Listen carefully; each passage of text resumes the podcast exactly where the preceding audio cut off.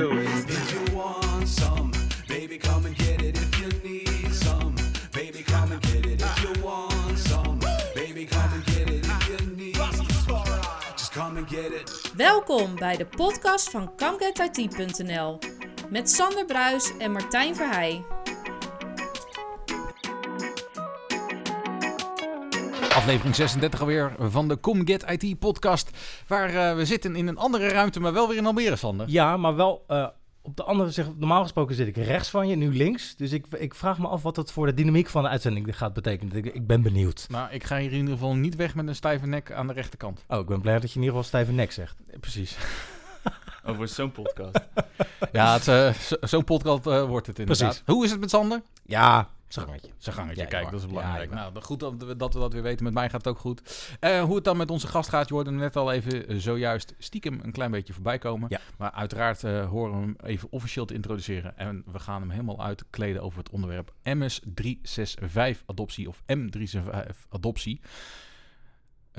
Gevoelig onderwerp. Misschien ook niet. Daar gaan we achterkomen. Ja. Daarvoor hebben we uitgenodigd eh, ja, een gast die dan in dit geval M365 adoptieconsultant, functioneel beheerder is, Teams Collaboration en trainer at de Rotterdam University of Appliance Science. Ik heb het hier over Peter Kettenis. Ja, en werkzaam bij Cavero. Ja, werkzaam bij Cavero. inderdaad. Ja. Ja. ik werk als eh, consultant bij Cavero. En eh, ik ben al een tijdje betrokken bij Hogeschool Rotterdam... Om, eh, om inderdaad te werken aan de adoptie van ja, Office Microsoft 365. Ja, precies. Voor een gebruiker is het vaak gewoon Office 365. Ja, precies. Ja. Die, eh, dat hele Microsoft gebeuren met device management, de meeste gebruikers, ja, die, eh, die nemen daar een soort van kennis van en dat is het dan wel. Maar Ja. verder willen ze gewoon met hun OneDrive of Teams aan de gang. Ja. Ja. nou voor de meeste gebruikers is het gewoon nog steeds Word, Excel en PowerPoint. Maar eh, terwijl het tegenwoordig gewoon eh, Word 365 heet en eh, Excel 365. Ja, natuurlijk. klopt inderdaad. Ja. Inderdaad. Dus, Ja, eh, dus dat. hey, maar wat weet... ja, dit is wat wij vonden op internet. Maar je zegt al, ik ben eh, engineer bij Cavaro. Wat weten we nog niet van je? Cavero. Cavero, eh, ja. ja. Ja, ja, dat, Cavero. dat eh, eh, bedrijf in, in, in Rijswijk. We zijn enorm groeiende. We zijn ooit begonnen in een, in een heel klein bedrijf verzamelpand. En nu zitten we in de loods, de kennisloods in Ja. Rijswijk. Ja, we zijn nooit Eh, geweest. ja, jullie zijn er geweest. Ja, dat is dus helemaal opgeknapt en gedaan. Dus we zijn enorm aan het, aan het groeien. Ook onze, onze eh, Microsoft eh, competentie is de afgelopen jaren gegroeid en weer gekrompen en weer gegroeid. Dus we zijn eigenlijk weer op een punt beland dat we eh, weer, eh, weer een fatsoenlijk groot eh, team bij elkaar hebben. En ja, in de afgelopen vijf jaar dat ik bij Cavero werkzaam ben, allerlei verschillende klussen gedaan. Begonnen eigenlijk van de, de, de traditionele SharePoint consultancy klussen. En eh, nou, vroeger was SharePoint eh, helemaal eh, de shit. Want SharePoint is geweldig. Want als je wat wil, dan kan je het in SharePoint bouwen. Ja, En tegenwoordig zoiets van, ja, ja, SharePoint leuk. Maar als je er welke wil, moet je het gaan zitten bouwen. ja, ja. ja. Dus je ziet heel veel dat, dat, dat het nu aan het verschuiven is naar Office of Microsoft 365. Omdat dingen gewoon daarin heel veel makkelijker te regelen zijn. Alles staat al klaar, je kan er zo mee aan de gang. En ehm, het, het, het, het technische aspect neemt in mijn werk heel erg af. En het gaat steeds meer richting, wat doet een eindgebruiker nou? En hoe gebruiken ze het nou? En... ehm, Nou, Ja, voor de- laten- laten- voor de- ik zou zeggen, ja, laten we daar we verder op ingaan. gaan- Wat doe je voor de rest nog in het dagelijks leven? Vader? eh, Ik eh, woon samen met eh, mijn vriendin in, eh, in het prachtige Willemstad in Kijk. Brabant, niet oh, in ik Curaçao. Ja. Nou ja, ik- en eh, ja, da- daar, daarbij ben ik, eh, ben ik fanatiek met, eh, met zelfverdediging. Kijk, kijk Ja. eens aan. Nou, ik hou mijn vragen gelijk al even in. hey, laten we dan gelijk de maar... zoveelste inderdaad. Ja. inderdaad, hè? Dat- ja. Maar goed, gooi die beginvraag erin. Nou, ik zou zeggen, het begint een beetje traditie te worden. Maar wat zou je gedaan hebben als IT niet bestond?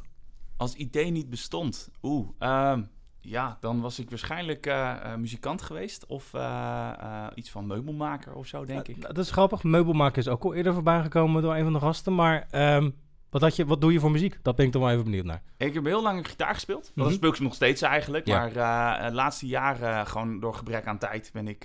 en omdat ik heel veel in de auto ja, voor de pandemie zat, Ja. eh, had ik heel veel tijd in de auto om lekker te gaan zingen. Dus ik heb zangles genomen. Gewoon Oh, wat leuk. ja. Eh, niet dat ik... Ik heb het ook nodig, hè, die zangles. niet dat ik kan zingen. Het zijn jouw woorden. Ja, nee. ja ehm, dus eh, ja, de- dus dat, de, eh, vandaar ook mijn affiniteit met alle audiospellen. En, dat En eh, eh, speel je een bandje? Of, eh, wel heel lang gedaan. Ja. wel, eh, vooral in mijn studietijd heb ik heel lang eh, eh, toch wel de, de stevigere kant van de rockmuziek, metalmuziek opgezocht. Ja, dus je En, zou eh, niet als troubadour eh, met je gitaar langs de steden zijn gegaan als IT niet had bestaan, bij wijze van spreken. Nee, ik was niet als singer-songwriter aan Nee, de nee, gang nee, nee, gegaan. Nee, absoluut niet. Oké, Nee, dan. nee, nee. En waar kunnen we überhaupt eh, hits van je terugvinden? Nou, we staan op Spotify. De Oh, band, de kijk, band kijk. heet eh, Apparition. Ja. En, eh, Hoe spel je dat? A-P-P-A-R-I-T-I-O-N. Nou, ja. zoek het allemaal op, mensen. Ja, zoek het maar op, want Ja. we hebben het op, eh, op vele spellingen gezien op alle aankondigingsborden en zo. ik, De meest verschrikkelijke eh, spellingen ervan. Nou ja, kijk, dat is heel lang geleden. Hebben we gewoon heel veel lol met elkaar. Met gewoon een vriendenclub hebben we muziek gemaakt. Tof, ja. Eh, en geld bij elkaar gelegd en een album opgenomen in een studio. En toen had eh, de zanger, eh, of de, de, de oude ex-zanger en eh, ex-gitarist... had eh, vorig jaar het lumineuze idee om dat een keer op Spotify te zetten. Dus het is puur Ja, voor de lol. niet? Ja, precies. Ja, kom, het, ik kom het verder niet pluggen. Je mag het luisteren. En, eh, Gaan we doen. Gaan we doen. gaan we doen. Hey Sander, ik zie je staan en dat is echt een, eh, een, eh, een vraagtekenvraag. Vaststellen onderwerp. Ja, nou ja, wat is inderdaad... Kijk, wij gaan het hebben over de M365 adoptie. Ik, eh, eigenlijk voor de mensen die het misschien niet kennen, de- die paar mensen die eh, daar niet bekend mee zijn. Wat is wat jou betreft, je hebt het net, net al een klein beetje aangegeven, maar wat is wat jou betreft een M365 adoptie? Om mee te beginnen. Dat is een, eh, een, een, een lastig onderwerp om zo te beschrijven, omdat het non-stop aan het veranderen is. Mhm. Eh, ik maak daarin wel heel duidelijk onderscheid tussen eh, pre-corona en tijdens Mhm. corona-pandemie. Daar zit in de adoptie heel duidelijk verschil in de, in, in de houding van eindgebruikers. En als ik kijk naar wat, wat adoptie eigenlijk is, als ik dat wat globaler zou moeten omschrijven, dan is dat in mijn ogen een skill die iedere IT'er moet beheersen. Net als dat wij allemaal hebben geleerd hoe wij in een vergadering zitten, bijvoorbeeld. Of hoe wij aantekeningen maken, is in mijn ogen adoptie een skill die iedereen moet beheersen. En sommige mensen in betere mate dan in andere. Alleen het is essentieel geworden voor eh, de succes van je, van je IT. Als jij een hele mooie IT-omgeving neerzet en je gebruikers snappen er geen fluit van, die kunnen er niet mee of die gebruiken het nog erger verkeerd, Ja, nou, dan, dan, dan krijg je dus eh, eh, heel inefficiënte eh, medewerkers. Groot risico op datalekken. Dus adoptie zit, zit, moet in de kern van je IT-organisatie zitten, in mijn ogen. En ehm, dus het is echt een, een skill die iedereen moet beheersen. maar wat, uit welke onderdelen be- be- bestaat die skill dan wat jou betreft? Is dat communicatief, inderdaad het aanleren van bepaalde vaardigheden, inderdaad over het platform waar mensen mee gaan werken? Of is het breder dan dat? Eh, breder dan dat. Eh, ja, communicatief absoluut. hè. Mhm. Eh, trainingen geven, eh, zorgen dat mensen de juiste informatie tot hun beschikking hebben. Dat ze handleidingen op een goede plek kunnen vinden. Maar het zit ook in een stukje leiderschap. En de leiderschap bedoel ik niet alleen maar wat de managers vertonen, maar gewoon wat jij eh, aan gedrag vertoont. Dat, dat zie ik ook als een stukje leiderschap. En eh, geef het goede voorbeeld. Doe de juiste dingen. Ga niet als IT'ers dan nog elkaar allemaal bijlagen zitten mailen. Dat is een heel flauw voorbeeld. Maar eh, als je met Office 365 aan de gang gaat, of sorry, Microsoft 365 aan de gang gaat. uit. Ja, ik gebruik Ja, het de hele dag door elkaar. Dat, eh, Wie ja, niet? Nee, daar. En dan ga, je, dan ga je niet elkaar nog bijlagen zitten sturen, terwijl je een OneDrive hebt bijvoorbeeld om dingen Nee. te delen. Of je kan het in Teams kwijt. Ehm, dus, dus gewoon het gedrag, het, het uitdragen van een nieuwe manier van werken. Ook als we nu gaan kijken naar de, wat, eh, wat de pandemie heeft gebracht, de, de introductie van, voor veel organisaties, de introductie van het hybride werken. Met, nou, vooral met Teams natuurlijk.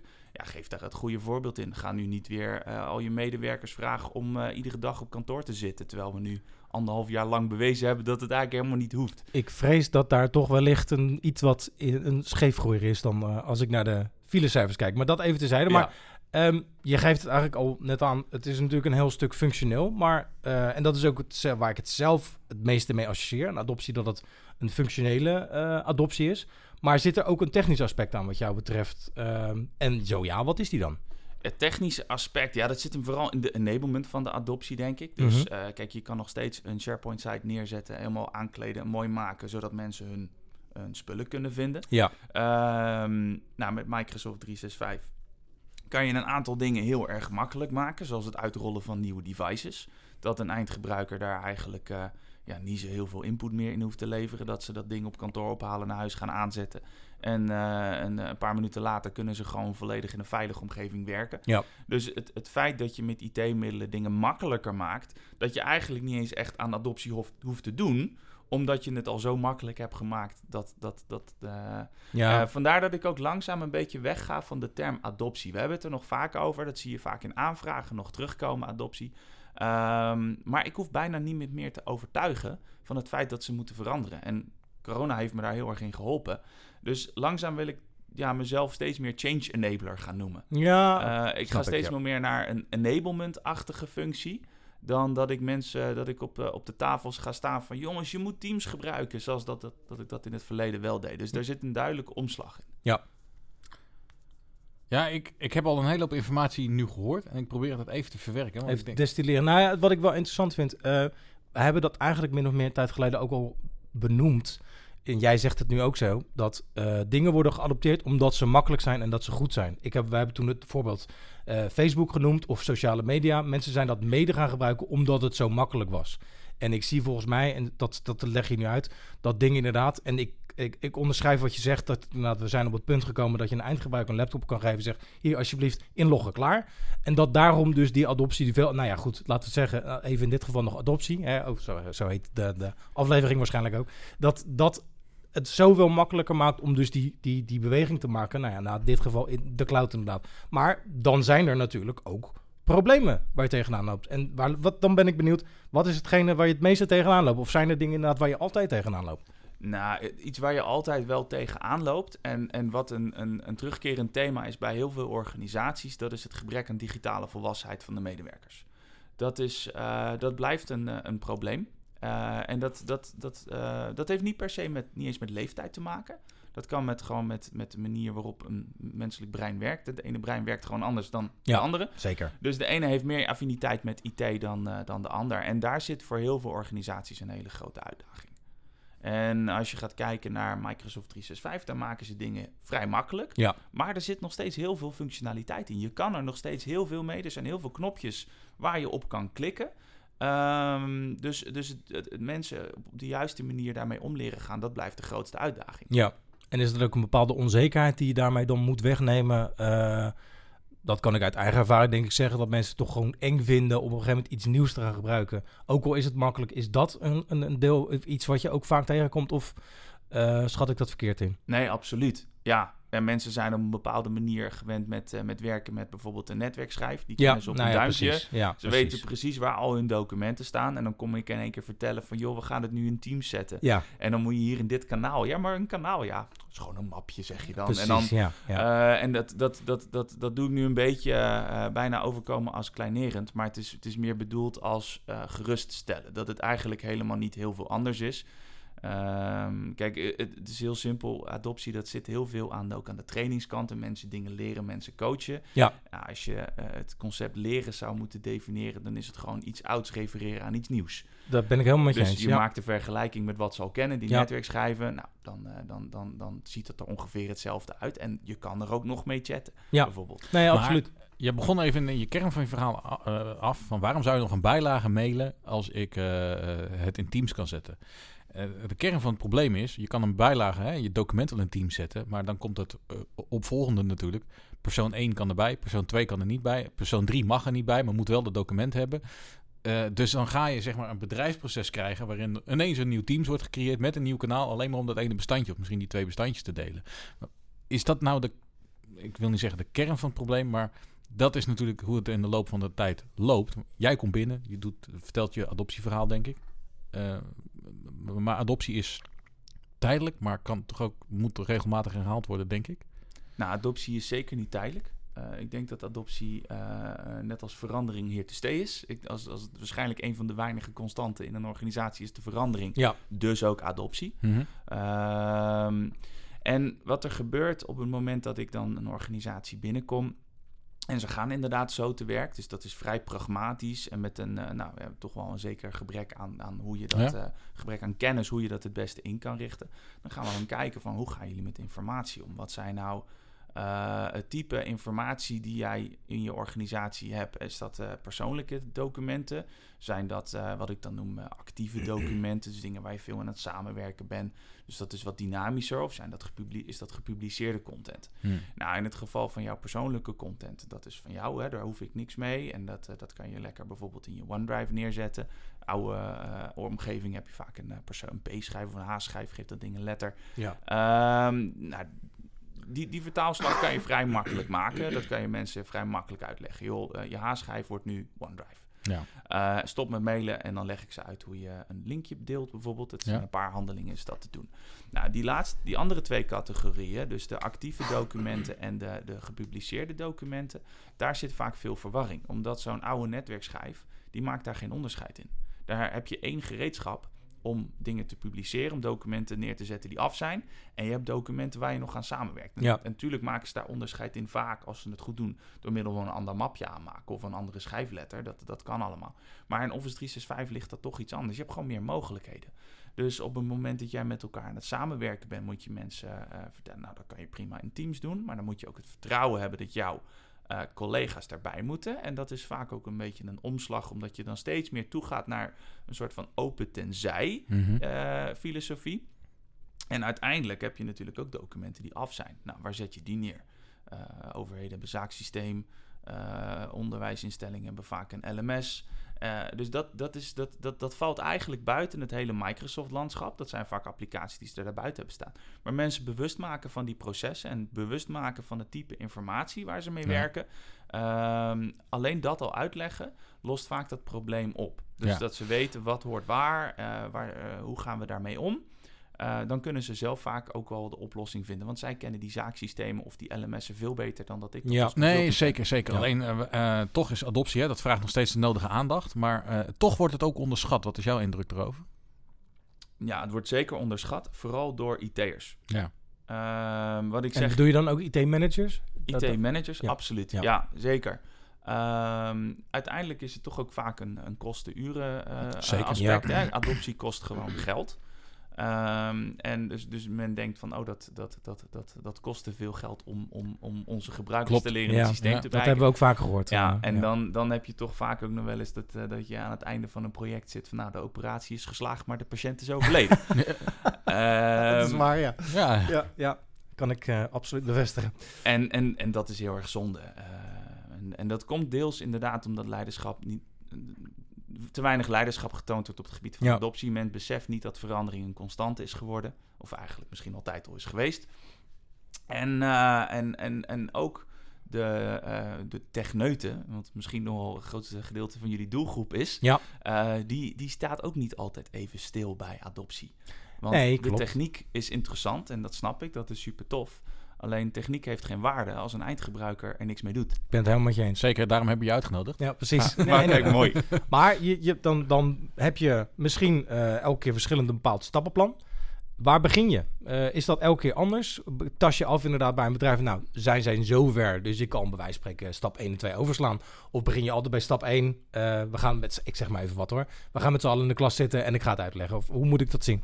Waar begin je? Ehm, ja? Ja. dat is een beetje een moeilijke... eh eh, eh, althans, de vraag is niet moeilijk, maar het antwoord is wat complex. En dat heeft vooral met corona te maken. En we hebben de tijd. Ja, kijk, het, het, eh, normaal gesproken ga je eerst een organisatie in en je komt met een verandering. Een aantal mensen heeft hopelijk een visie. Hè? En vroeger was die visie, nou, we moeten Exchange naar de cloud brengen, want dat is goedkoper. Ja. Hé, hey, wacht, we krijgen er allemaal hele toffe tools bij. Ja. Zoals Ja, een OneDrive en een, eh, Ja, we krijgen precies. meer knopjes. Nog meer Ja. knopjes. Nou, la- laten we wat met die knopjes doen, want we betalen er tenslotte voor. Ja. Dat was vaak, door, eh, eh, vaak IT gedreven, Ja. die verandering, die, die shift naar de cloud. En toen kwam in één keer de pandemie voorbij. En toen, nou gelukkig, die organisaties die al over waren naar de cloud, die hadden toevallig Teams, daar betaalden ze al voor. En toen belden ze, Peter, we hebben dit, kan je ons helpen met onze gebruikers Teams te leren Ja. gebruiken? Nou, dus dat is situatie 1. Situatie 2, dat zijn de organisaties die eigenlijk een beetje hebben zitten slapen. Eh, klinkt misschien lullig om dat zo te zeggen, maar eh, ja, dat... Nou, je bent ook niet, je bent niet de eerste. 2020, Ja, je bent ook niet de eerste die dit zegt. Nee. Ehm, en die, die hebben eigenlijk alles nog on-prem staan. En in één keer moesten ze hybride of thuis gaan werken. En mensen hadden geen werkplekomgeving. Nou, misschien hadden ze dan nog wel een, eh, een, een omgeving in Citrix waar ze op kunnen in, eh, inloggen. Maar Ja. ze moesten ook kunnen vergaderen. Nou, dan moeten ze Teams gaan gebruiken. Dan krijgen ze een soort, ja, een soort rare situatie waarin je in Citrix je werk aan het doen bent. En buiten Citrix je teamomgeving hebt opgestart bijvoorbeeld. Want dat... eh, dat, dat werkt gewoon niet lekker samen. Nou, die organisaties die zaten op een gegeven moment, denk ik, toch behoorlijk met de handen in het haar van, joh, hoe, hoe, hoe gaan we niet verder? Dus dat is een Kre- heel belangrijk. kregen eigenlijk nog van Microsoft een aanbieding van ga de eerste komende drie maanden van ons Teams gebruiken. Gratis. Dus Ja. knopje aanzetten en Ja. rammen en doorgaan. Ja, Om eh, dat schaduw-IT te voorkomen. ja. En ehm, dat is dat, de, de- die beginstap. Om wanneer een organisatie inkomt, is daarin wel heel belangrijk. Want eh, eh, ja, er zijn heel veel verschillende adoptiemodellen. Tuurlijk. Ja. En, en eh, daar kan je heel veel mooie afkortingen op loslaten. Maar uiteindelijk is de eerste stap vaak mensen bewust maken van die verandering. Sorry, mensen bewust maken van je kan dingen anders doen. Het, het, het, het openen van de, van de, van de visie, de, opening mind stap is daarin heel belangrijk. En vooral die, die tweede groep, eh, of überhaupt de pandemie, heeft mensen behoorlijk geholpen om te realiseren dat dingen anders moeten en kunnen. Ehm, dus dat is, dat is, dat is, dat is, eh, eh, ja, dat, daar heeft de pandemie, de adoptie, het Hmm. adoptievak heel, in, heel erg in geholpen. Waar je daarna vaak tegenaan loopt, is dat mensen eigenlijk niet goed weten hoe ze met informatie om moeten gaan. Mhm. Dat, dat weten sommige IT-organisaties weten dat misschien wel. Een informatiemanager weet dat. afdelingsmanager weet dat misschien. Maar mensen op de werkvloer hebben vaak niet echt een idee welke informatiestromen zij allemaal hebben. Ik had toch En- een V-schijf? Sorry? Ik had toch de V-schijf? Ja, precies. Daar zat ik ook aan te denken. Inderdaad, ik, je ze weten naar- inderdaad wat je net Precies. zegt. ze- Ik weet op mijn schijf, in die map moet ik het zetten. En dat is eigenlijk het kader waarin ze werken. Precies, Ja, en straks, ja, en straks ja. krijgen ze natuurlijk een Teams of een SharePoint-omgeving... waar ze vier, vijf verschillende plekken hun data neer moeten zetten. Nou ja, de Dus dat- voorbeelden ja. die je net gaf inderdaad. Precies. ja. Ja, ja. en dan, eh, dan krijgen ze op een gegeven moment, als jij eh, gewoon eh, zo alles uitrolt, dan krijgt iedere gebruiker de mogelijkheid om een team aan te maken. Ja. En dan krijg je in één keer een AD-beheerder die met de handen in het haar zit. Ja, maar er ontstaan allemaal groepen in mijn AD. Ja. Ik had ze net zo mooi allemaal van een naamgeving voorzien. En Ja. nou is het één grote bende. Eh, Ja. Dus ook daar is een heel belangrijke stap te zetten op het gebied van adoptie. Er, Ja. gebeurt, eh, er gebeurt op IT-gebied natuurlijk ook heel veel. Ja. eh, waar mensen ook ja, een beetje het gevoel van controle gaan, eh, gaan verliezen. Maar is het niet gek dat eh, standaardisatie, die dus wel toegepast op, eh, laten we zeggen, oude infrastructuren, dan in één keer compleet wordt losgelaten of wordt vergeten in zo'n nieuwe situatie, terwijl dat helemaal niet zo moeilijk is, lijkt me dan. Bijvoorbeeld Nou, naamgeving, naamconventies. Maar die, die groepen die je net noemt, daar, daar kan je wel gewoon een bepaalde regel op loslaten, lijkt Nee, kijk, natuurlijk kan je daar allerlei oplossingen voor verzinnen. Alleen je moet er wel over na hebben gedacht. Precies. Ja. En op het moment dat jij door zo'n pandemie gedwongen wordt om, eh, om dit soort technologie te gaan gebruiken, en iedereen mag in één keer, en je hebt daar van tevoren nog niet over nagedacht, ja, dan, dan moet je in één keer een enorme inhaalslag maken. Maar zeg je dan eigenlijk niet, en ik wil niet op mensen om mijn tenen gaan staan, maar ik ga toch zeggen dat er uiteindelijk heel weinig visionairen zijn binnen onze branche, in ieder geval in Nederland, wat jij tegenkomt, die dus wel al van het nou ja, zogenaamde worstkaas-scenario hebben over nagedacht. Inderdaad, van nou ja, what if? Ja, hindsight is 2020. Dat, ja, dat ben ik wel met je eens. Misschien je heeft eens. een organisatie wel degelijk visie getoond en zijn, zijn ze links afgegaan en nu blijkt dat ze rechts afgegaan hadden. Sure. moeten. Ja, eh, Dat eh, kan inderdaad. Dat kan. Ja. Dan heb je een, eh, een, een verkeerde keuze gemaakt, of verkeerd, dat, maar dan heb je een andere keuze gemaakt. Maar hebben wel Maar- mensen visie gehad. Ja, maar er zijn ook denk ik heel veel organisaties en heel veel mensen in onze branche die daarin eh, misschien iets te lak zijn. Misschien Ja. iets te, eh, ja, te afwachtend eh, eh, of misschien iets te bang. eh, Nou ja, if it ain't broke, then don't try to fix it. Dat is natuurlijk ook een goed Engels gezegde. Ik kan me ook voorstellen dat mensen iets hebben tot aan inderdaad tot aan corona van hey, het werkt toch? En ik heb toch inderdaad mijn kantoor, dus waarom zou ik Teams, et cetera, et cetera, inderdaad eh, adopteren wat dat betreft. Ja, absoluut. Ik heb ook in trainingen dat soort mensen meegemaakt. Ja. En, eh, toen waren we voor een grote bank eh, met een heel team van Cavero gingen wij het land in om mensen bewust te maken van wat je met Teams en met OneDrive en de nieuwe mooie werkplek kan doen. En toen eh, zaten we bovenin zo'n kantoor, zat ik training te geven. Moet je eens kijken, je kan met Teams kan je bellen, je scherm delen. En toen was er echt iemand die zei, joh Peet, kijk eens uit het raam. En die, die nieuwbouwwijk, daar woon ik. Ik Ja. fiets naar mijn werk Ja, iedere ja, dag.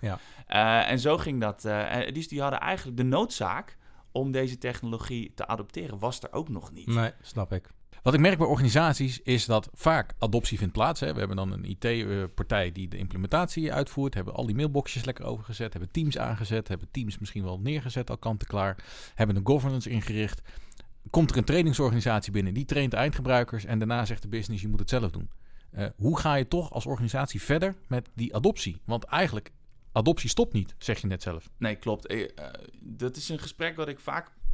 In, in dit soort gesprekken probeer ik vaak dat, dat naar voren te brengen. Dat adoptie is niet een, per se een checklist in je project. Het is niet een vinkje wat je, of, een, of een kaartje wat je in je planner neerzet om vervolgens af te kunnen vinken. Adoptie is cultuur. Dat moet in je cultuur zitten. Hm. Ehm, je, je moet als organisatie moet je veranderkundig kunnen worden. Je moet om kunnen gaan met die verandering. Eh, als je dat niet doet, dan krijg je, eh, wanneer er een volgende pandemie eh, eh, komt, krijg je precies hetzelfde probleem weer.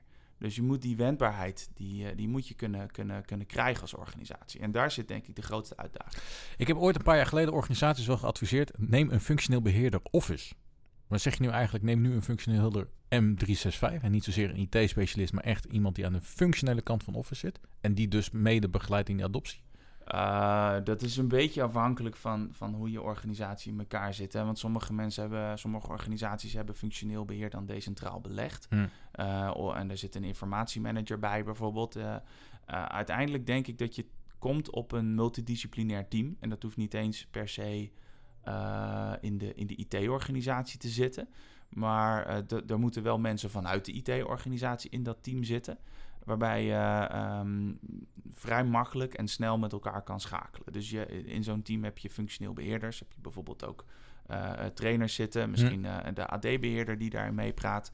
Uh, um, nou, ligt eraan hoe ver je daarin wil gaan. Hè? De, de, dus de werkplekbeheerders die, die daar ook in mee kunnen gaan. en zo krijg je een, een multidisciplinair team waar zeker mensen uit de business uh, in moeten zitten. Dus stel je hebt functioneel beheer decentraal belegd, dan moeten die mensen erbij zitten. En anders heb je een informatiemanager nodig of een product owner, hoe je dat dan wil noemen, die de business daarin vertegenwoordigt. Ja, maar, ja ga door. Nee, dat wil dat. Ook. Ja. Nou, hoe vaak kom je dan zelf nog gemiddeld terug bij een bedrijf om een hertraining of een retraining te geven? Um, nou, zo'n trainingstraject wat nu bij een aantal organisaties lopen, dat loopt al wel een tijdje. Dus dat is, uh, dat, dat, dat, ja, dat is maar net hoeveel mensen er zijn. En ja. ook waar ik het net al over had, de digitale volwassenheid van een organisatie. Precies, want de knoppen binnen Microsoft veranderen nog alles. Ja. Bijvoorbeeld, hè, de functionaliteiten worden toegevoegd, andere functionaliteiten worden weer weggehaald. Uh, ja, wat wel voor een gebruiker impact heeft. We krijgen die mailtjes allemaal wel als uh, Global Admin Beheerder, waarin in staat welke wijzigingen Microsoft weer op een gepland moment gaat doorvoeren. Ja, maar dat, zeker. Dat moet je meenemen in je adoptietraject. Zegt dat mailtje eigenlijk letterlijk ook. Maar... Ja, absoluut. Ja, ja dat, ook daarin ben je als IT-organisatie non-stop sorry, die adoptie aan het doen. Uh, want je hebt een, een, een, een, een, een, bijvoorbeeld een intranet waar je dat soort dingen kan publiceren. En zijn het hele grote veranderingen. Dan moet je daar trainingen gaan geven. Ja. Vaak als je je werk als externe een beetje goed doet, dan heb je jezelf overbodig gemaakt. Hm. Althans, ik denk dat dat vaak... Uh, ja, nee. Ja, heel veel, heel veel, uh, heel veel uh, managers van consultancybedrijven, die, die, die zijn het daar niet vaak mee eens. Maar ik denk dat als je je werk goed doet, dan ben je overbodig. Ja. Dan, dan heb je de klus geklaard die je kwam klaren. en dan heb je de, de, de medewerkers, de, de interne medewerkers zo opgeleid en zo geholpen dat zij zelf die adoptie, zelf die training kunnen ja. doen. Dus daar zit een... dus kom ik heel vaak terug om training te geven. Um, als ze heel blij waren met de training en ze vonden het heel leuk, uh, ja, zeker. Maar uh, vaak wordt dat ook gewoon overgenomen door de organisatie zelf. Ja, maar nou is Office 365 of M365 leuk voor de afdeling IT. Hè? We hebben het geïmplementeerd, het rolt uit. Maar wat heb ik er als gebruiker privé nou eigenlijk aan? Want als ik thuis kom, ja, heb ik de leuke training gehad, heb ik de adopties gevolgd. Uh, is prachtig mooi. Maar thuis heb ik, uh, heb koop, ik er niks aan. Koop ik dan gelijk inderdaad een, een Office 365 abonnement of gaat het niet zo ver? Nou, aan de privékant, uh, heb je het echt over privé of ja? persoonlijk? Nee, ja, persoonlijk, privé. Ja, er zit voor mij een onderscheid in. Kijk, privé, dan denk ik over de foto's van mijn kat. Die sla ik bijvoorbeeld niet op in mijn OneDrive. Heel eerlijk, die staan bij mij gewoon in mijn Google Drive. Ja, ja, ja. Ehm, ja. Maar persoonlijk, uh, staat, de persoonlijke informatie staat bijvoorbeeld uh, in, je, in je OneDrive. Um, dus wat heb je er persoonlijk aan? Uh, ik weet niet of ik je vraag dan helemaal goed Nou, begrijp. misschien, ik denk eigenlijk dat je het antwoord wel geeft. Kijk, ik, ik, ik gebruik zelf OneDrive. Ik, toevallig heb ik een Office 365 abonnement. Dus daar zit een OneDrive en mijn Vault bij. En ik weet dat als ik, die, als ik dus hè, mijn, de kopie van mijn rijbewijs, van mijn paspoort in die Vault, dat er nog een extra laag bescherming daarop zit om, hè, om eigenlijk gebruik te voorkomen. Is wellicht dat stukje misschien wat ik weet zeker dat mijn moeder, om maar een voorbeeld te nemen, noem maar vrij, noem maar vrij vaag, sorry maar, um, dat dat misschien een stukje bewustwording is wat wel echt uh, mensen extra kan helpen in ook het gebruik thuis ervan. Dus dat wel dat stukje veiligheid daarmee geboden wordt. Ja, en ik denk dat we dan ook weer terugkomen op het onderwerp digitale volwassenheid. Ja, ja, en precies. ik, ik, ik, ik denk ook wel dat wij uh, met z'n allen uh, digitaal volwassener zijn dan dat we onszelf af en toe credit voor geven. Hè. Mijn moeder kan ook gewoon volledig WhatsAppen. Ja. Ehm, dus dat, dat gaat er prima af. En dat, dat, dat, dat lukt er ook om met haar kleindochter in India te facetimen en Mhm, zo. Ja. Uh, en mijn moeder, uh, die, die is de jongste niet meer, dus die, die, die kan dat ook allemaal adopteren. Dus we zijn digitaal volwassener dan dat we denken. Ja. Uh, ik denk dat ook nu met de huidige trend, als je gaat kijken wat er gebeurt op social media, wat, wat, wat grote techbedrijven met jouw data doen, dat die bewustwording daar veel, veel belangrijker wordt en dat die veel groter wordt. Eh, dus dat draagt ook bij aan die digitale volwassenheid. Maar je noemde het net al. Ik bedoel, je hebt vaak natuurlijk ook te maken gehad met managers. Ehm, stel even hypothetisch, je komt ergens binnen. Maakt even niet zoveel uit of iemand welwillend of niet, niet is wat dat betreft op het moment dat je binnenkomt. Maar wat is eigenlijk de, de standaard eh, ehm, overtuiging die je brengt naar een organisatie of een manager om die adoptie te gaan, op te gaan pakken? Wat is het eigenlijk het standaard argument wat je gebruikt?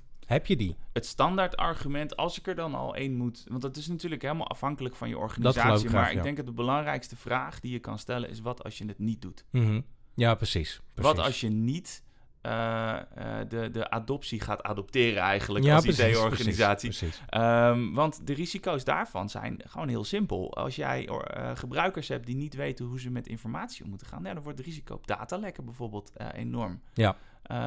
Nou, dat, dat, dat is vaak toch wel een argument wat eh, alleen al het feit dat dat heel veel geld kan kosten. Ja. ehm, dat, dat is vaak al genoeg om in ieder geval een gesprek te hebben daarover. En zijn, dan ben ik wel erg benieuwd, zijn er dan ook mensen of laten we zeggen organisaties die na een eh, onderbouwde argumentatie, argumentatie van jouw kant zeggen van, nou, nee, ik doe het toch wel zelf. Of ik zie toch nog steeds de waarde niet van in. En wat voor argumentatie geven ze dan? Daar ben ik dan ook wel benieuwd naar. Nou, dat is, kijk, het is niet mijn werk om mensen ervan te overtuigen om bijvoorbeeld Microsoft 365 te gebruiken. Nee, Ze hebben het vaak al. Ja. Eh, dus, dus, nou, wat ik zei al, een, een, een pre-pandemie eh, organisatie die had dan Exchange en dan wilden ze de rest ook gebruiken. Ja, Eh, en degene die tijdens de pandemie naar me toe kwa- kwamen, die zitten echt met, met de handen in het haar bijna van, joh, help ons dit te gebruiken. ja, dus dat gesprek, dat voer ik eigenlijk niet. Dat, eh, dat is in een eerder stadium. Dat, Ja, eh, dat, eh, dat heeft of een IT-manager of misschien een salespersoon bij Microsoft Precies, dat ja, al voor elkaar gebokst. Het, het, is, het is meer dat ik ze ervan ehm, moet overtuigen om meer te doen aan Nou, laat ik anders zeggen, inderdaad heb je nog wel veel weerstand wat je tegenkomt met bepaalde argumenten of bepaalde zaken die je aanbrengt. Dat, dat je inderdaad gewoon, nou ja, ik, ik weet niet wat, maar dat er gewoon veel weerstand is op in jouw ogen logische argumenten. Ehm, die weerstand?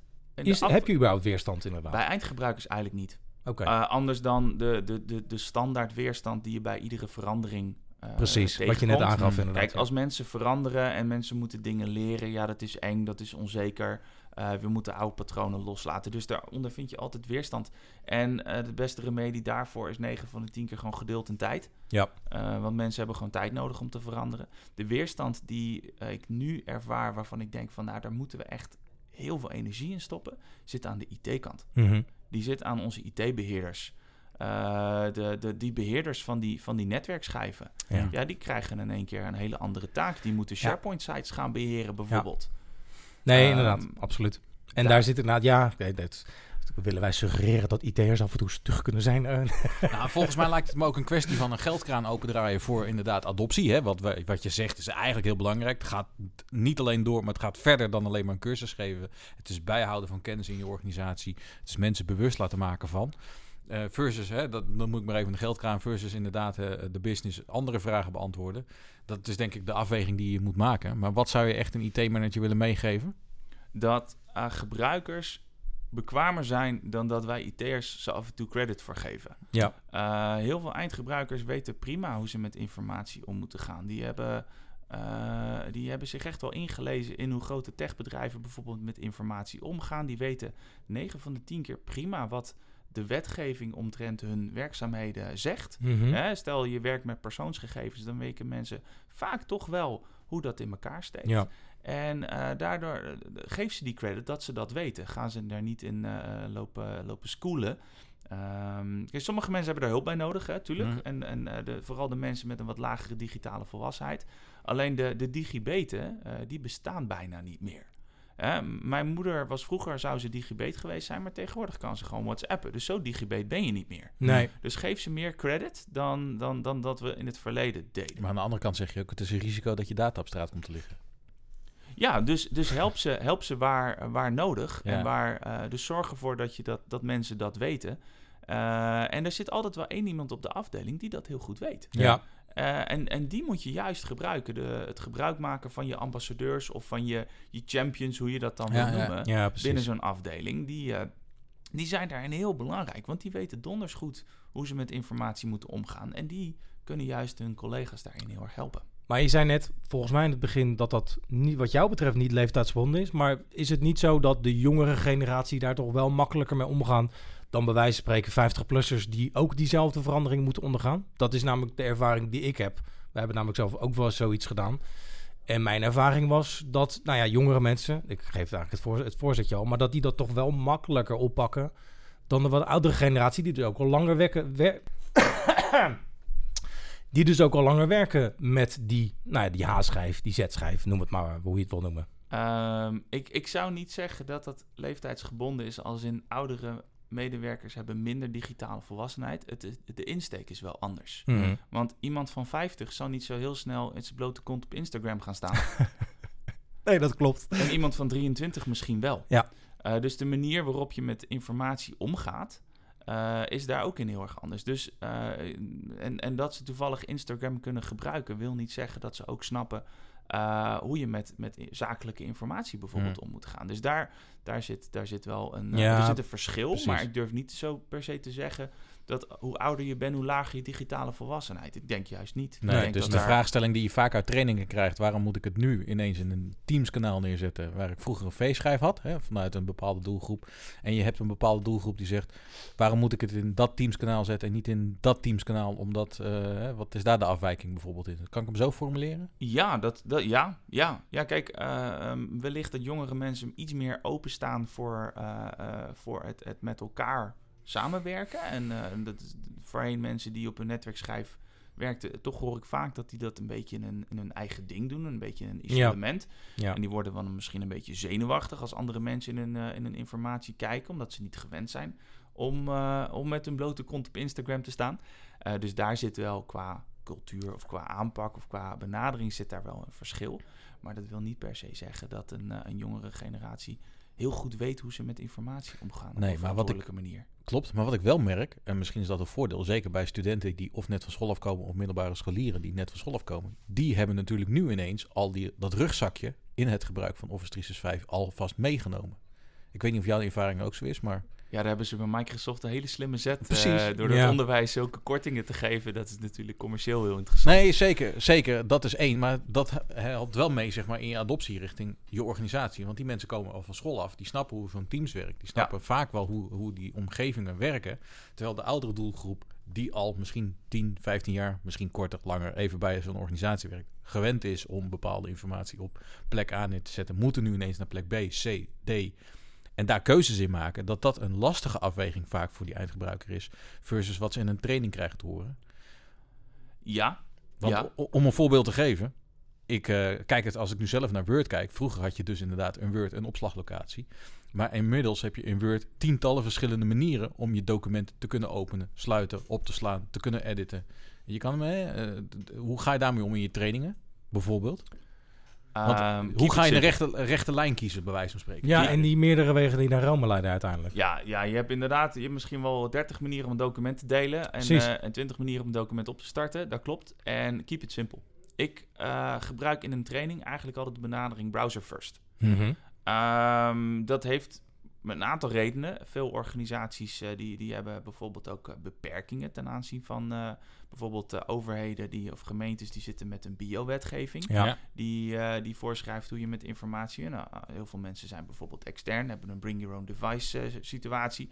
Dus dan mag je geen data opslaan. Dus vanuit praktische overwegingen kies ik dan ook vaak de browserbenadering. En ik wil mensen leren om op een nieuwe manier na te denken over werken. Ja. En die browser is in één keer best wel anders. Hm. Eh, maar niet zo anders dat ze denken van help, ik snap het niet meer. Want het is nog steeds gewoon Word. Ja, precies. Klopt. En nog steeds die browser die ze ook wel gewend zijn. Ja, Ja, dus eh, en natuurlijk leg ik uit dat, je, er- dat er andere manieren zijn. Hè? En vind jij fijner om die bureaublad-applicatie eh, te gebruiken? Neem bijvoorbeeld eh vervente Excel-gebruikers. Nou, die worden helemaal eh krankjorum van die, van die browserversie. ja, ja. Eh, dus tuurlijk bied ik die alternatieven wel aan. Maar mijn ingang in een, in een training is eigenlijk browser first. Ook voor teams? Nee. nee, goed punt. Nee, dat vind ik inderdaad ook een hele goede inderdaad. Ja. Ja. hey, eh, ja, ik moet zeggen... eh, Ja, we Als zijn je, nou iets, Oh. als je nou een IT-specialist iets moet meegeven, hè, wa- wat zou je hem mee willen geven richting je implementatie waar je op dit moment mee werkt? Word een change enabler. Zorg ervoor dat jij realiseert dat jij een verandering enabled. En moet ik me daarvoor scholen? Eh, kan nooit kwaad. Zijn er scheldingen? Ehm, ja, zeker. Hoe, hoe heb je Ja. zelf die transitie doorgaan, Ja. om het zo maar te zeggen? Bij mij is dat vrij natuurlijk gegaan eigenlijk. Op het moment dat ik, eh, dat ik iets heb geleerd, dan wil ik dat graag doorgeven aan anderen. Dat heb ik altijd al gehad. Ik heb eh, eh, mijn middelbare schooltijd heb ik, eh, heb ik ge- geschaatst, vrij fanatiek. Nou, op een gegeven moment dan ga ik dat anderen ook leren. Eh, ik zei in het begin, ik ben bezig met, eh, met zelfverdediging. Nu ben ik ook bezig om een, om een opleiding tot instructeur te volgen. Dus het zit voor mij natuurlijk... eh, zit, het, zit het er heel erg in om als ik iets weet en als ik iets, iets, iets heb om dat door te geven. Om, om, Ehm, dus bij mij is dat vrij natuurlijk gegaan. Ja. Maar het is eigenlijk een soft skill, zeg je eigenlijk daarmee. Het is een soft skill die je verder moet ontwikkelen. Want je komt van school af. Techniek is fantastisch natuurlijk als IT-specialist. Of als je, en in, je implementatie ook. Je bent prima in je, in je ding. Je kan heel goed Exchange eh, migreren. Je kan heel goed SharePoints eh, eh, overzetten. En dan ben je qua techneut vaak klaar. Maar nou, eigenlijk zeg jij, daarin moet je een stap verder gaan. Ja, kijk, en ik bedoel niet dat iedere eh, databasebeheerder straks in staat moet zijn om trainingen te geven. Absoluut niet. Hè? Nee. Je- De juiste persoon op de juiste plek lijkt me nog steeds van Ja. Uh, het is alleen, eh, het, is, het, is, het is, kijk, de ene persoon is ook beter in het leiden van een vergadering dan de ander bijvoorbeeld. Ja. En, maar iedereen is wel in staat om aan een vergadering deel te nemen. Maar heeft het Kijk- dan niet te maken dat een IT-specialist zich te goed voelt voor de adoptie? Nou, ik sta niet in de schoenen van de Nee, IT-specialist, dus ik dat probeer niet. voorbeelden te schetsen. schetsen. Eh, zullen er ongetwijfeld bij zijn. Ja. ja. Nee, maar Martijn haalt wel een interessant punt aan. Kijk, ik, we hebben denk ik allemaal onze nou ja, certificaten, trainingen die van, door Microsoft worden aangeboden. En de, de, de traject die je dan kan volgen, hebben vervolgd. Dat is gewoon puur technisch. Maar volgens mij bestaat er nog niet zoiets, vanuit Microsoft dan bijvoorbeeld, eh, wat inderdaad een adoptietrainer traint. Of vergis ik me dan? Eh, voor zover ik weet niet. Er zijn wel eh, dingen vanuit, eh, vanuit ProSci bijvoorbeeld, die, Ja. die je kan, kan volgen. En er zijn heel veel modellen. Hè. Verander, adoptie is gewoon een, in zekere zin een nieuw woord voor, voor verandermanagement Ja. natuurlijk. Klopt. Ehm, en en daar, is, daar is al heel al jaren wordt daar heel veel studie in, in, Ja. gedaan. Er is heel veel, heel veel over te vinden en over, over geschreven. Dus het is in zekere zin niet, niet nieuw. Nee, oké, maar ben ik dan misschien een klassieke IT-gedachte waarvan we zeggen van die eindgebruiker, oeh, die moeten we op afstand houden, want die is lastig. Dat is een lastig persoontje, die doet vervelende dingen. Die hebben allemaal ideeën. en Hebben zo. allemaal Ja, die ideeën, willen het in één keer gaan ja. gebruiken en zo. Ja, en willen die ze willen gaan gebruiken, gaan ze dingen vragen, ja. Ja, Gaan ze dingen vragen, gaan ze de servicedesk bellen? Ja, Ja. vinden we eigenlijk ook allemaal vervelend. Ja, ja, maar ja, toch ja. zeg je eigenlijk, nee, ga die met die gebruiker in gesprek, ga hem beantwoorden. Ga nou het gesprek eens aan en ga misschien eens op zijn stoel zitten om te snappen en te begrijpen waarom hij deze vraag stelt Ja, in je absoluut. adoptie. Ja, absoluut. Dat is zeker. Wat ik zeg, de, de, de, de, de, de kwaliteit van jouw systemen, van jouw techniek, wordt bepaald door het eind, gebruik van de eindgebruiker. Ja. Het, het, het gebruik van je systemen. Want anders heb je een heel mooi systeem, maar als niemand het gebruikt, dan heb je heel veel geld over de balk gegooid. Klopt. Nee, wat dat betreft, is, maar dat hebben we ook al eerder geconstateerd, is natuurlijk wat dat betreft de rol van de IT-beheerder of de IT, gemiddelde IT'er, pardon, is gewoon heel erg veranderd in de afgelopen jaren, waar communicatieve vaardigheden nou minimaal net zo belangrijk zijn. Je gaf het zelf ook al aan, om die, dat gesprek aan te gaan. En ik denk dat de eindconclusie dan is dat juist de telefoontjes naar die service desk minder worden, omdat je de tijd en energie gestoken hebt om mensen inderdaad op weg te helpen om iets te snappen of iets te gaan adopteren. Dat zou zeggen? inderdaad een onderdeel zijn van de business case die je zou kunnen maken Ja, om, om aan adoptie te gaan doen. Dat Ja. is eh, omdat dat vrij meetbaar is. Ja. Ehm, ehm, dus ja, zeker. Dat is een onderdeel van het gesprek, absoluut. Duidelijk. Heb je zelf nog dingen waarvan je nu zegt op basis van wat we gesproken hebben van dit wil ik er nog over kwijt? Ehm, even denken. Zat je vanochtend in de auto en zei van, nou, dat moet ik nog even zeggen. Nee, volgens mij hebben we het eigenlijk overal wel over gehad. Ja? Nou, Ja. Ja, nee, Ja. oké. Dan denk ik dat we nu gaan naar de... De envelopvragen. Ja, precies. Inderdaad. Sander, we gaan naar de envelopvragen. Sander heeft, eh, ja, dat zijn eigenlijk de, de drie vragen Ja. die wij in een envelopje gestopt hebben. Waarvan je zelf invloed hebt eh, over wat je op je afgevuurd krijgt. bestaan echt mensen. Kan ik nou, kan ik nou een koelkast winnen? Nee, dat helaas niet. Kunnen we eens opperen, maar... Ja, ehm, precies. Ik, dat, dat zit nog niet in ons budget op dit moment. Maar ik, eh, ik doe hem gewoon nog even. Ik, heb, eh, ik kan dit keer zeggen dat inderdaad de vragen nou ja, iets wat scherp aangesteld zijn. Ik ga hem, zoals gewoonlijk, toch nog even uitleggen. Ik heb drie enveloppen hier. Ik heb ze net laten horen. Daarin zitten drie eh, scherpe vragen, stellingen. In ieder geval, we noemden het ooit de vragen die niemand durft te stellen. Daarom doen we ze enveloppen. En dan kunnen we net doen alsof wij ze niet gesteld hebben. Ik zeg, pik er eentje uit. lees hem hardop voor en we zijn zeer benieuwd naar je antwoord. Oké, pakken Ja. we deze. Kijk. En de pakken luisteraars de links. geen idee welke het is, maar dat maakt niet De uit. links, nee, nee, nee, ga, ga niks over je politieke voorkeur, Nee, neem ik aan. precies. Nee. Eens even kijken. Eh, oh, ja, wacht even. Ehm, leuk zo'n adoptietraining, maar een trainingsvideo is toch ook prima? Ja. Goeie vraag. En eh, het antwoord is voor sommige mensen absoluut ja. Ja. Zeker. Ehm, mensen die digitaal volwassener zijn, die hebben eigenlijk vaak de behoefte aan... joh, waar zit die knop waar ik op kan drukken? En is dat het? Dan ga ik verder. Mooi. Ja, ja, ja, ja. Absoluut. Geef die trainingsvideo. En eh, daarom 9 van de 10 keer als ik een training doe, dan neem ik hem ook op. Dan publiceer ik hem ergens en dan kunnen ze... Of we maken kleine, kleine, kleine filmpjes, kleine instructiefilmpjes van... joh, als je dit wil doen, klik dan hier. Ja. Eh, dus ja, voor een heel groot deel mensen is dat zeker het geval. Mensen met een wat digitale, eh, lagere volwassenheid... of eh, eh, on- een zekere onzekerheid ten aanzien van, van IT... Ja, die hebben toch meer behoefte aan een, aan een persoon die ze door een, een, een training heen helpt. Waar ze vragen aan kunnen stellen, die ze ja, in zekere zin ook gerust kan stellen. Ja. Eh, het feit dat ik zeg tijdens een training dat je niks kan slopen, want eh, dan moet je echt heel goed je best doen. Ja, ja. En waarschijnlijk heb je daar de rechten niet eens voor. Eh, nou, het feit dat je dat kan vertellen, en dat, dan, eh, dan, dat stelt mensen gerust om ook gewoon dingen te gaan proberen. Ja, dat geloof ik graag. En mensen zijn inmiddels ook zelf innovatief genoeg. Want best wel veel content staat ook op YouTube of in Microsoft eh, content stores Ja. natuurlijk. Ja, absoluut. Ja, ja het, het, de, de filmpjes die ik dan op zou nemen, die zijn vrij organisatiespecifiek. Ja, precies. Anders verwijs ik ze gewoon naar wat Microsoft ook al publiceert. Of er zijn duizend en één YouTubers die prachtige filmpjes hebben. Ehm Shout-out naar Ralf Hillebrand. Ja. Het, eh, ken hem niet, maar bij deze. nee, zoek hem, Nee, zoek ja. hem op op Gaan. YouTube. Helemaal als je in de onderwijskant zit, is hij een van de, van de tofste mensen. Ralf. Hillebrand. Eh, Ja. ja. Maar het filtert, filtert dat zichzelf ook uit. Ik weet natuurlijk niet hoe lang jij de training geeft. Tot een week is bij wijze van spreken. Maar ik zeg even, eh, hypothetisch. Je geeft een week een training. Nee, dat na zover drie gaat dagen, het niet. Nee, dat na Nee, drie dagen nee, de mensen nee. overblijven die alleen het echt nodig hebben. Nee, als ik een, eh, een, een, een echte vanuit de, de adoptie een training geef, dan is het vaak een training van twee uur. Ah, Ja. oké. Ja, Maar kun je dan in twee uur alles kwijt? Nee, maar dat is- moet dat? Nee, Ja. Moet Nee, iemand precies. alles weten? Nee, ik geef ze hele eh, eh, eh, simpele eh, dingen om, om ja, ik verge- ik, in een training vergelijk ik het vaak wel eens met het halen van je rijbewijs. Hè? Op het moment Ja. dat jij het CBR uitloopt met je, nou vroeger, in mijn tijd was dat nog een papiertje. Ja, maar ja. Ja. ja. Ja, ehm, dan, eh, dan, eh, dan, dan, dan pas ga je leren autorijden. ja. Ja.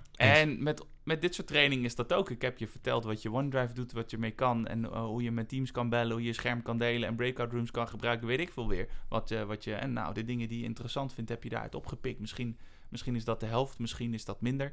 Eh, want er komt best wel veel informatie op je af natuurlijk in een training van twee uur.